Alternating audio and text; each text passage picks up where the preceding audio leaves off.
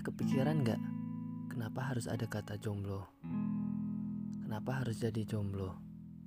Bahkan sampai kenapa milih jomblo? Pernah kesel gak? Kenapa kok jomblo mulu yang disalahin? Kenapa selalu jomblo yang dianggap paling menderita? Pernah iri gak?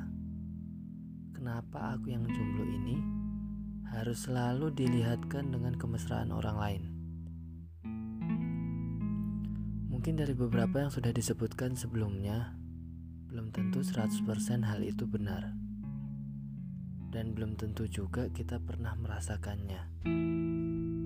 Tapi, kalaupun itu benar, kita mungkin akan atau bahkan sudah mengalami hal yang sama. Haruskah sedih, kecewa, ataupun malah menyesal? Enggak Kurasa itu nggak perlu.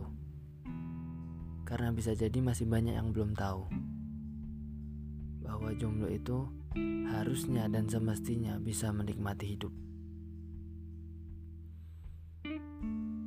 Bagi siapa saja yang sedang bergabung, mau yang beneran jomblo, atau yang berusaha untuk menjadi jomblo, atau bahkan yang sedang berpacaran sekalipun, izinkan kami untuk berbicara berbagi informasi, cerita, dan penyemangat bagi para jomblo.